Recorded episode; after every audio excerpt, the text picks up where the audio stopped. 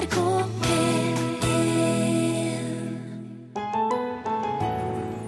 Og bak container så var det jo en gutt som hadde gjemt seg.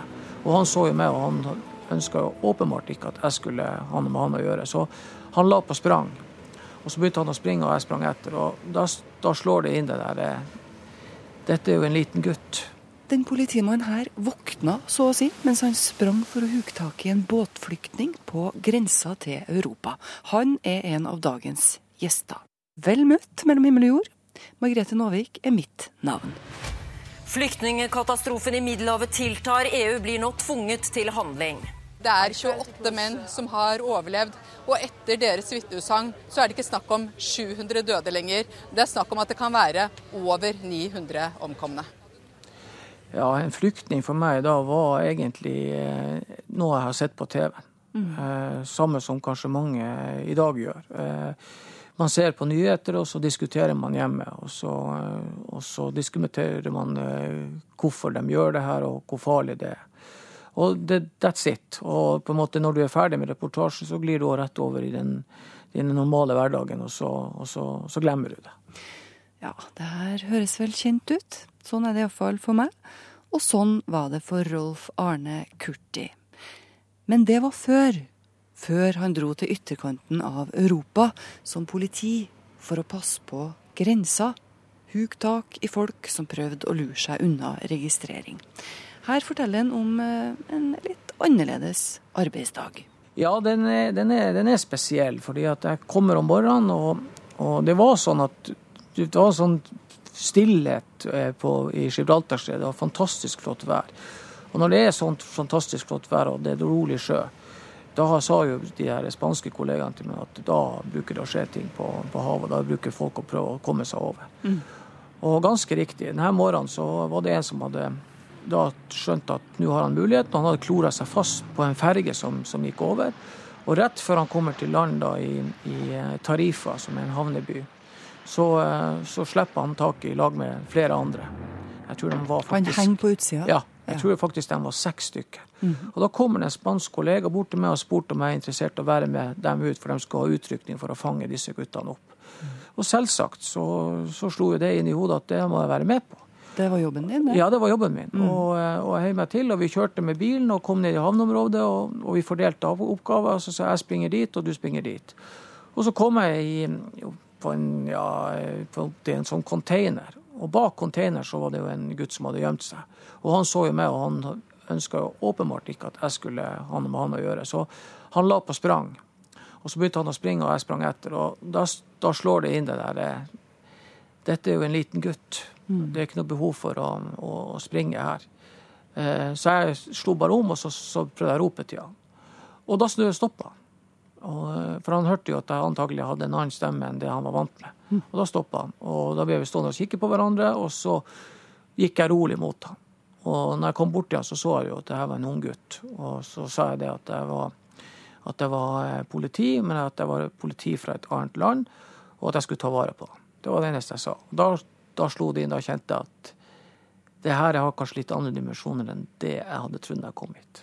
Men tenkte du på det da du stoppa? At nå, nå gjør jeg faktisk ikke jobben min? Eh, Nei, jeg tenkte ikke det, for jeg tenkte jeg gjør fremdeles jobben min, men jeg gjør, den, jeg gjør jobben min på en, på en human og menneskelig måte. Ja. Eh, jeg, jeg, jeg tror at måten jeg, jeg håndterte på med å være sånn som jeg var, og at jeg var rolig, gjorde at han faktisk også var rolig. Hadde jeg fortsatt å springe, og han hadde fortsatt å springe, og, og, og hadde gjort noen andre ting, så, så er det ikke sikkert at det hadde gått like bra. Hva som skjedde med han da? Nei, han tok vi hånd om, og eh, jeg tok han videre til, eh, til, til spanske helsemyndigheter. Det var et godt system der. Og de spanske de sjekker jo eh, hans eh, sin allmenne tilstand. Og etter at de har sjekka hans allmenne tilstand, så blir han transportert eh, til et område hvor de registrerer han og tar fot- og fingeravtrykk av han. Og så får han lov å komme med sin, eh, sin historie. Frontex er altså et politisamarbeid i EU. Og det var først da Rolf Arne skulle ut og vokte denne grensa mot Schengen, at han følte at han skjønte alvoret i situasjonen. Og det var da han til fulle forsto hvor heldig han sjøl er med de betingelsene han er født under. Nei, det er jo sant. Eh, jeg, visste jo den dagen jeg søkte politiet, og jeg visste jo at den dagen jeg ble politimann, så kommer jeg til å, til å, til å oppleve sorg og fortvilelse og, og, død. Det visste jeg. Og jeg visste også at, eh, at det har en annen dimensjon òg, med glede og masse spennende oppdrag og, og ulike. Det, det, var jeg fullt klar over den dagen jeg søkte skolen, og, og den har ligget forankra der hele tida. Men vi bor i et veldig bra samfunn og et flott demokrati og, og gode regler, at det er ikke så ofte vi blir utsatt for disse tingene. Betyr det at du må ha opplevd dette her for å forstå det? Ja, jeg vil strekke det så langt og så si det som eh, det, ja. Eh, du må nesten være til stede, du må være i en sånn leir, og du må være i direkte kontakt med dem for å helt tatt forstå alvoret i det. det, det, det TV-skjermen blir litt fjern. Eh, det, det, blir liksom Men når du kommer i sånne her settinger som jeg kommer, og du står midt oppi det, og du er sammen med folk som du kan se frykten i øynene, så blir ting annerledes. Ja. Mm. Jeg mener at jeg har fått et, eh, et bredere perspektiv. Mm. Eh, et bredere perspektiv inn, inn, i mitt liv. Og jeg er glad for at jeg har det perspektivet. Og jeg er glad for at jeg har fått oppleve det. Fordi at det gjør at jeg har de dimensjonene når jeg skal jobbe med disse folkene videre jeg, jeg, vet, jeg, vet, hva som ligger bak, bak det de forteller. Men eh, hvis vi tenker litt sånn politikk og, og, prinsipper og sånn, da. Blir det vanskelig å holde på sånne ting? Når du liksom kommer så veldig inn i enkeltmenneskene sine skjebner? Ja, det, det, kan være vanskelig, men jeg har hele tida sagt til meg sjøl at, eh, at uh, Rolf Arne Kurti ikke bland politikken i det her. Uh, tenk mennesket, Rolf Arne Kurti, og hold deg til det. Og det har jeg prøvd å gjort hele tida. Jeg skal vokte meg vel for å, å, å, å, ha sterke meninger hit eller dit. Det er det faktisk andre som, som skal ta seg av. Og som politimann så, så, så er jo det møtet med, med mennesket, det første møtet med mennesket, det er det viktigste møtet. Er det spennende? Ja, det er spennende. Det er veldig spennende. Og det kan noen gang ta noen vendinger som du aldri hadde drømt om før du starta samtalen. For eksempel? Ja, jeg har jo opplevd mange ganger at jeg har kanskje vært litt fordomsfull og, og, og tenkt med meg sjøl at nei, nå kommer det nok en løgnhistorie, og nå kommer det nok en sånn historie, og, er litt sånn bakpå. Og eh, ja, litt sånn avslappa, og et sånt, bare et halvt øre til, til, til, til, vedkommende. Helt til han sier noe som, som fatter min, eh, min interesse. Plutselig så blir samtalen helt annerledes. og og, og, man kommer ned på det menneskelige nivået, nivå, eh, meg og han, og så, og så kommer hele greia. Det er fascinerende. Ja. Historiene klarer du aldri å viske bort. De vil alltid være der. Og, men de er stabla på en, egentlig en veldig fin måte i hele mitt, eh, mitt lille hode. Så, så, jeg prøver å avstemme alt det jeg har opplevd i forhold til det jeg opplevde der nede. Så jeg prøver å avstemme det i forhold til alt jeg har opplevd som barn, det som jeg har opplevd som, som voksen, og det som jeg har opplevd i politiyrket. Så prøver jeg å avstemme disse tingene, og da kommer jeg som regel veldig bra ut med at du er heldig som har det sånn som du har det, og du er utrolig Du skal være utrolig glad for at du er født og oppvokst i Norge og, og har hatt så gode foreldre og god, god, eh, god støtte i hele livet ditt. Det skal du være utrolig glad for. NRK P1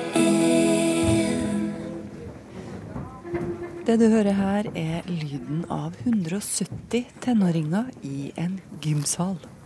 Alle har de valgt humanistisk konfirmasjon, sammen med over 10 000 andre norske ungdommer i 2015. Og Jakob er en av dem.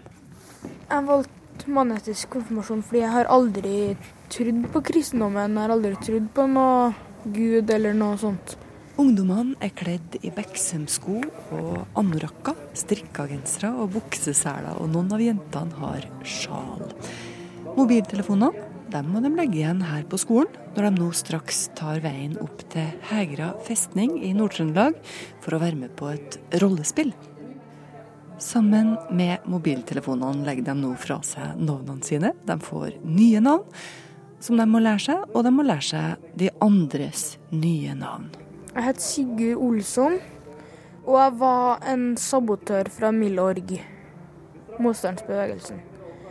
Um, jeg hadde nettopp vært med på en bombing, Og så var jeg, jeg var der oppe i Hegra for å skaffe informasjon om Gestapo og det hemmelige politiet.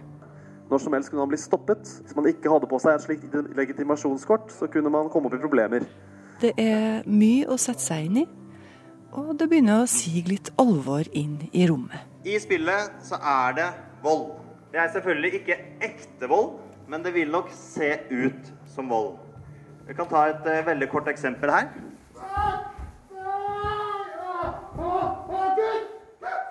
Uh, nå så det ut som jeg lugga Torgrim, men jeg la da bare en flat hånd I Hegra festning sine vegger, der sitter mye historie, også fra den tida rollespillet er satt inn i. I 23 dager og 23 netter kjempa norske soldater mot tyskerne i april 1940. Jakob og de andre ungdommene skal nå bli behandla på en måte som de ikke kjenner til fra før, forhåpentligvis. Derfor så kan alle i dette rommet si kutt når som helst, hvor som helst. Da stopper spillet rundt deg som har sagt kutt. Nå skal vi øve på å si kutt. OK? Én, to, tre. De må gjennom militær drill, ideologiopplæring, og de skal føle på kroppen hvordan det er å bli kommandert og urettferdig behandla, rett og slett. Trapp! Rett! De blir tatt imot av uniformerte, bevæpna menn. Og litt blussende, fnisende ansikter forandrer seg ganske fort. Og det kommer en uhygge over den store oppstillingsplassen. Og sørg for at deres lag står rett. Er det forstått? Ja, instruktør! Da måtte vi Da ropte de oss opp og ga oss lue.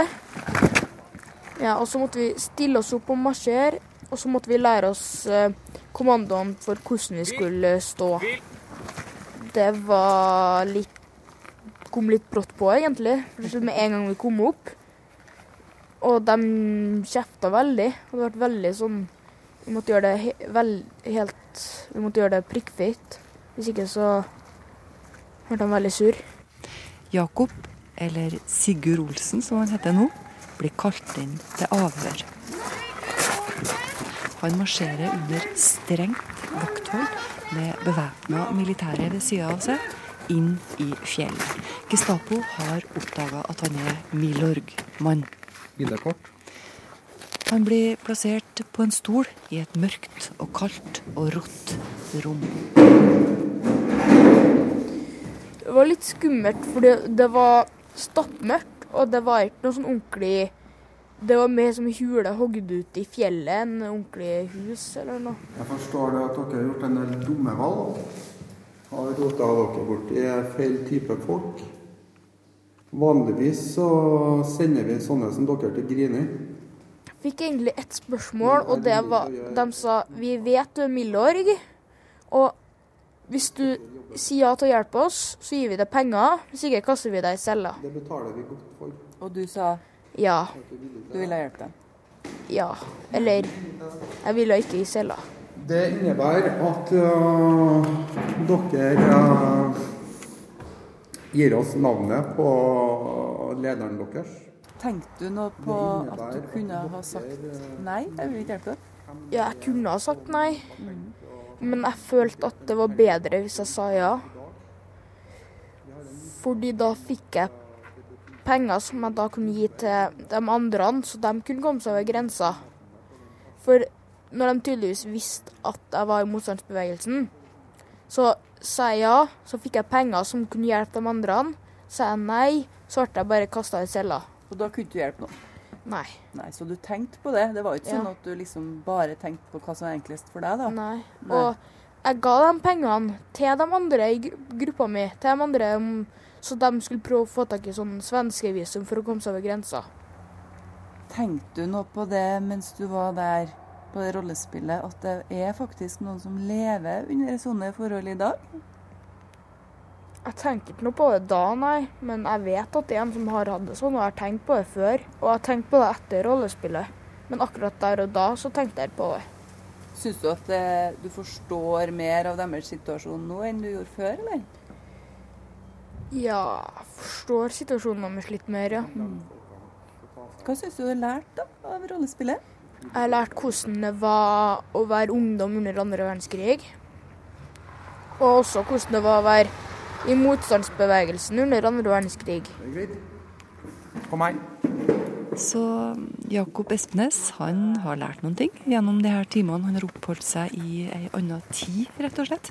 Nå er han tilbake i våre dager, og på lørdag førstkommende så blir det humanistisk seremoni i Olavshallen i Trondheim, og selskap med familien, som kanskje ble litt overraska over eh, Jakobs beslutning om å konfirmere seg humanistisk. Jeg var hadde egentlig aldri trodd på Gud, men jeg var usikker på om jeg uansett skulle konfirmere meg i kirka fordi alle andre i familien min hadde gjort det. For det var litt tradisjon. Um, jeg tror eh, foreldrene mine hadde trodd, og besteforeldrene mine trodde jeg skulle konfirmere meg i kirka. Men um, jeg tenker at hvis jeg ikke tror på Gud, så er det ikke noe vits å konfirmere meg kirkelig. Fikk du noen protester fra familien, eller? Ikke egentlig. De sa at det var mitt valg. Ja, Jakob han har eh, også gått gjennom et kurs i livssyn og etikk, som alle andre konfirmantene som har valgt Human-Etisk Forbunds opplegg. Vi hørte også Kenneth Aar i det innslaget her. Han er ansvarlig for rollespillet. Hvis du skulle ta heisen opp i sjette etasje, og du visste at heisen ville stoppe mellom fjerde og femte, hvem ville du ha stått fast med? Du har kanskje sett denne serien I heisen på NRK1? Sist uke så ble Linn Skåber og Harald Stanghelle påtvunget en lengre samtale. Denne gangen er det artist og låtskriver Hanne Sørvåg og Alexander Støkkel som møtes i heisen. Om du ikke vet hvem Støkkel er, han er trener for det norske hopplandslaget. Og så er det sånn da, at heisen stopper, og en stemme stiller spørsmål til passasjerene.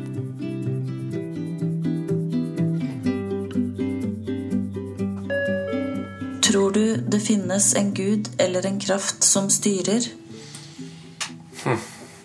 Ja. Vær så god, du kan begynne. Jeg er veldig usikker. jeg er veldig usikker. Jeg eh, Gud eller noe. Det, kan man, det, det, det tror jeg det er. Fordi det er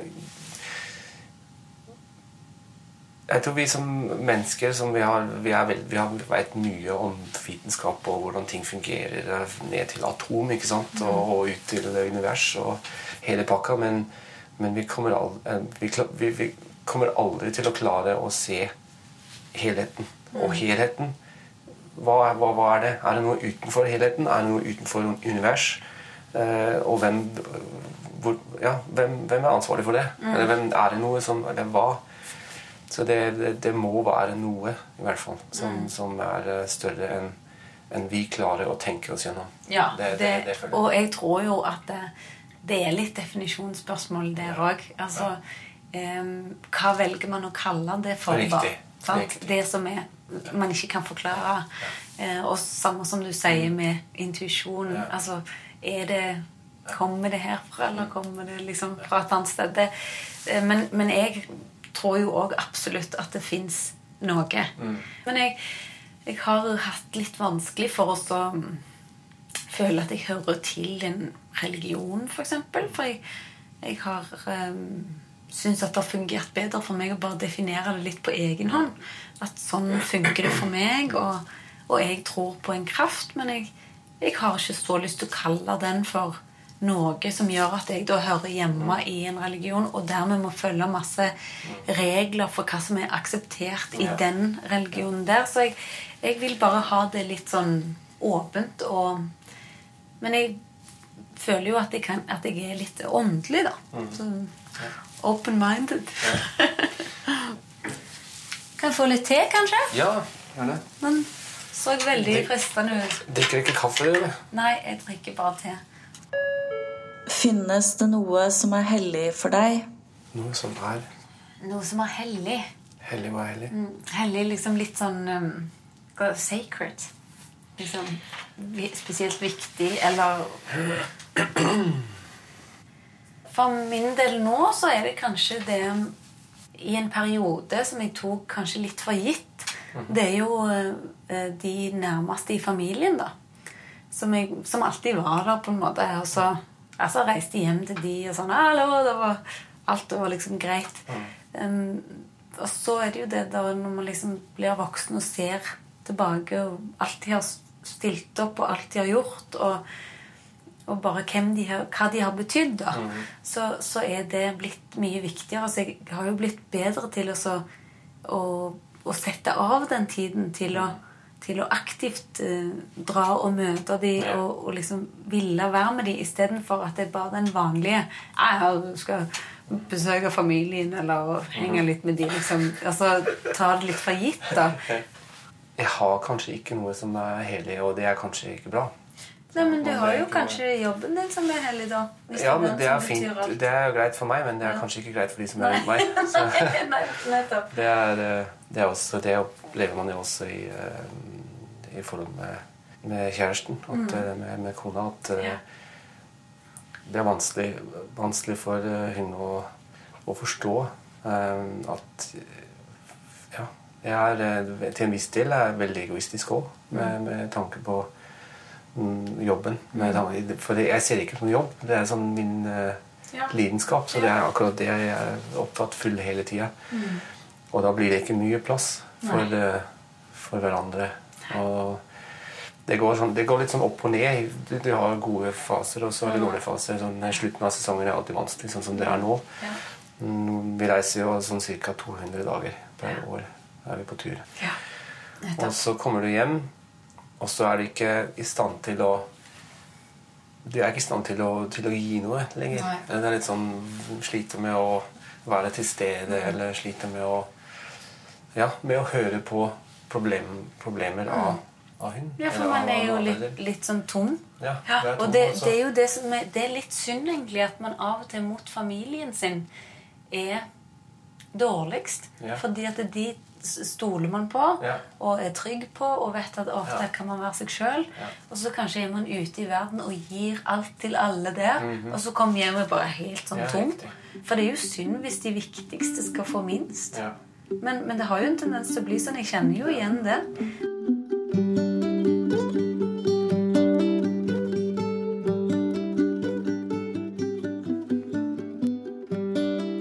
Det var Hanne Sørvåg og Alexander Støkkel som måtte tilbringe tid i heisen sammen. Og den stoppa altså mellom to etasjer. Hvis du har lyst til å ikke bare høre, men se det her programmet, så sendes det i sin helhet førstkommende tirsdag klokka 22.30 i NRK1. På fjernsyn, altså. Og programmets tittel er I heisen.